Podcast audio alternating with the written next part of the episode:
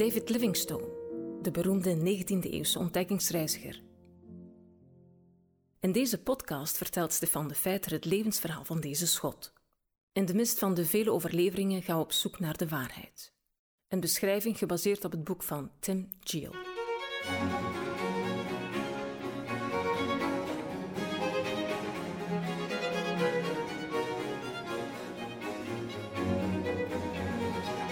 Livingstone neemt na zijn ontdekking van de bovenloop van de Zambezi twee realistische beslissingen.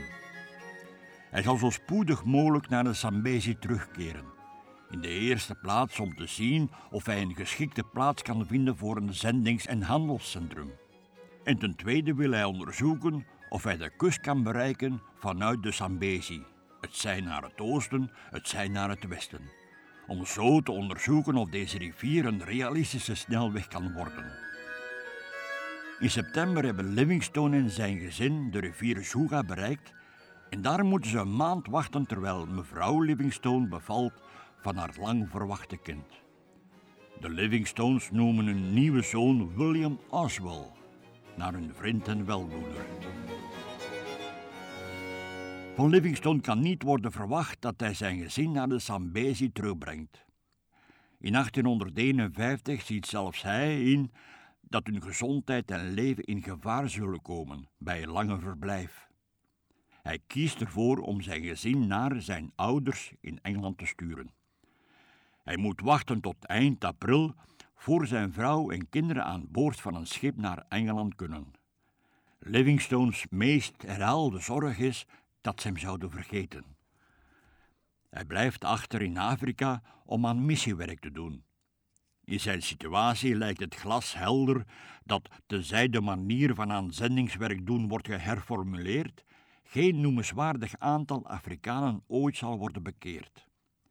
Soms is hij heel wat minder zeker en hoewel hij suggereert dat al zijn daden uiteindelijk bedoeld zijn ten voordele van God, aan wie ik alles heb opgedragen, schrijft hij, geeft hij toe dat er veel onzuiverheid is in zijn motieven. En bekent hij dat hij zijn ambitie wantrouwt. Hoe zulke onwaarschijnlijke componenten bij elkaar kunnen blijven, zal alleen de toekomst kunnen vertellen.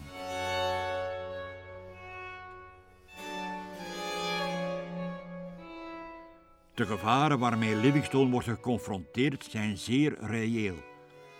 Van de eerste ontdekkingsreizigers zijn Park, Clapperton en Lander allen in Afrika omgekomen.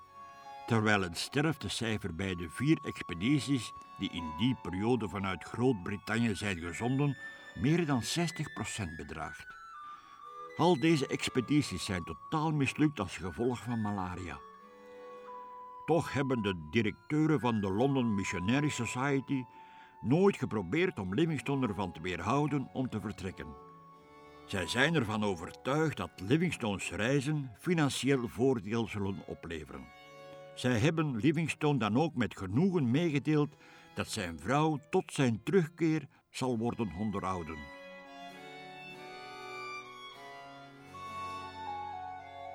Terwijl Livingstone verder trekt naar het noorden, denkt hij aan de twee hoofddoelen van zijn huidige onderneming.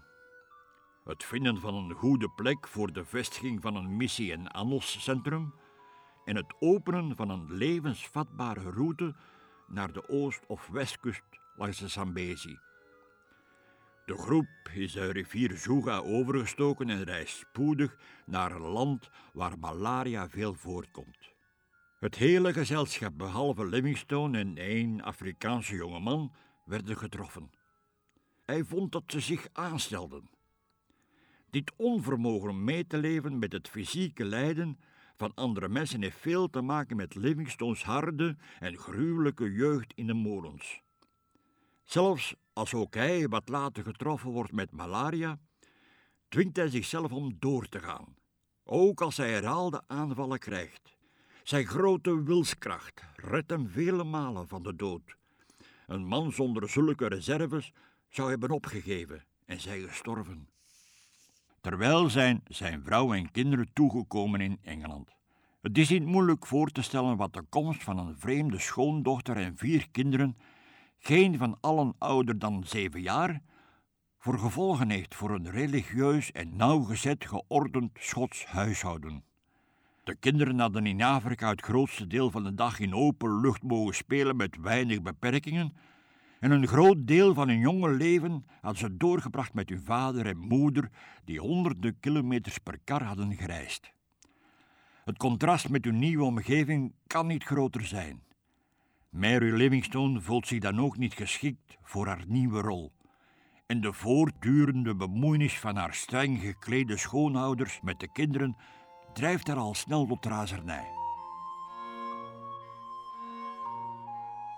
Binnen zes maanden is de situatie ondraaglijk geworden. Mary verlaat het huis. Na hun vertrek uit Hamilton leven Mary en de kinderen een ellendig nomadisch bestaan. Zij wordt op de been gehouden door de hoop dat haar man na twee jaar zal terugkeren. Maar naarmate drie en vier jaar verstrijken, begint zij te wanhopen. Totdat zij zelfs de mensen schandaliseert door bittere opmerkingen over missionarissen te maken. De directeuren geven haar nooit genoeg geld en zij blijft maar onderdanige en verontschuldigde brieven schrijven, smekend om meer. Mevrouw Livingstone begon met drinken. Het is een gewoonte die ze niet breekt tot haar dood tien jaar later. In haar ellende schrijft zij haar man om hem te smeken terug te keren. Het duurt twee jaar voor zijn brief met de weigeringen in Engeland toekwam en tegen die tijd is hij net wel terug op weg naar huis.